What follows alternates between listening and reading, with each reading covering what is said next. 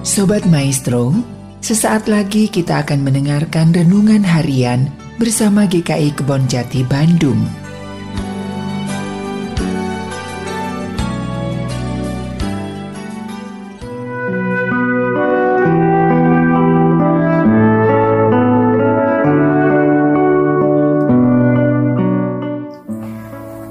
Senang menjumpai Anda dalam Renungan Harian GKI Kebon Jati.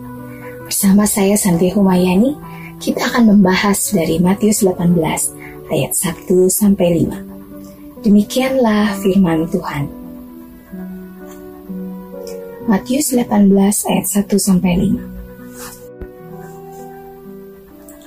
5. Siapa yang terbesar dalam kerajaan sorga? Pada waktu itu datanglah murid-murid itu kepada Yesus dan bertanya, Siapakah yang terbesar dalam kerajaan sorga? Maka Yesus memanggil seorang anak kecil dan menempatkannya di tengah-tengah mereka lalu berkata,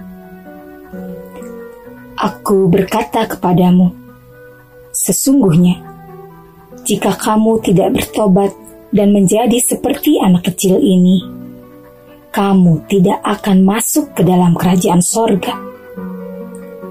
Sedangkan barang siapa merendahkan diri dan menjadi seperti anak kecil ini, dialah yang terbesar dalam kerajaan sorga. Dan barang siapa menyambut seorang anak seperti ini dalam namaku, ia menyambut aku. Apakah Anda mau disebut memiliki sifat kekanak-kanakan? Apakah Anda mau disamakan seperti anak kecil? Orang dewasa biasanya akan tersinggung bila disamakan dengan sifat-sifat anak kecil.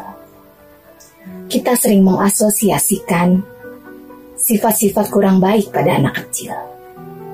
Lemah, memalukan, bicaranya tidak karuan, kurang bertanggung jawab, dan banyak hal konyol lainnya. Karena itu, dalam bacaan kita hari ini, murid-murid Tuhan Yesus cukup terkejut ketika Yesus berkata, "Yang terbesar dan yang layak masuk kerajaan sorga adalah mereka yang berlaku seperti anak kecil." Pada zaman Tuhan Yesus, tidak berbeda dengan budaya kita sekarang. Anak kecil sering kali tidak masuk hitungan. Namun Tuhan Yesus melihat sifat-sifat yang baik dari anak kecil. Sifat yang polos, ketergantungan, mau diberitahu, mau diatur. Seringkali perlu kita contoh sebagai orang dewasa yang kadang kita merasa serba tahu, serba bisa. Namun yang menjadi pokok yang Yesus bahas bukanlah anak-anak, melainkan Allah dan kerajaannya. Lebih tepatnya bagaimana dan kepada siapa Allah memperlakukan kerajaannya. Murid-murid Tuhan Yesus berpikir bahwa mereka yang disebut terbesar adalah mereka yang pantas secara rohani. Mereka mempertentangkan hal ini. Mempertentangkan tentang ukuran yang secara rohani layak dan pantas disebut terbesar dan masuk ke kerajaan Allah. Pembacaan ini memberikan pengajaran yang terbesar dan masuk kerajaan Allah adalah mereka yang bertobat. Bertobat bukan sekedar pengakuan bahwa saya sudah bertobat, tapi berubah dari manusia lama menjadi manusia baru yang pola hidupnya, pola pikirnya, perilakunya berpedoman pada kehendak Allah.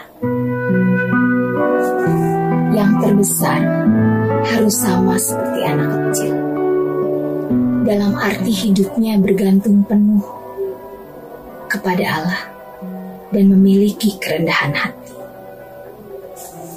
Yang terbesar bukanlah mereka yang layak secara rohani. Bukan yang bangga dengan apa yang sudah dibuat dan dikaryakan. Tetapi justru mereka yang merasa tidak pantas di hadapan Tuhan. Mereka yang hanya pekerjaannya memikirkan perintah Tuhan, menaatinya, dan mengajarkan perintah-perintah yang paling kecil. Yesus membalikan semua pendapat tentang kebesaran dan yang terbesar. Bagi Yesus, yang terbesar dan kebesaran adalah mereka yang mau menjadi pelayan. Menjadi pelayan adalah mereka yang menempatkan mereka yang lemah menjadi yang dihormati.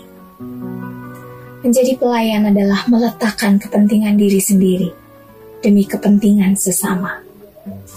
Syarat utama yang harus dipenuhi untuk menjadi terbesar dan masuk kerajaan Allah adalah menilai martabat sesama sebagai gambar rupa Allah. Sudahkah kita bertobat secara penuh, merendahkan diri, dan melayani sesama lebih sungguh? Selamat memasuki masa prapaskah. Tuhan Yesus memberkati.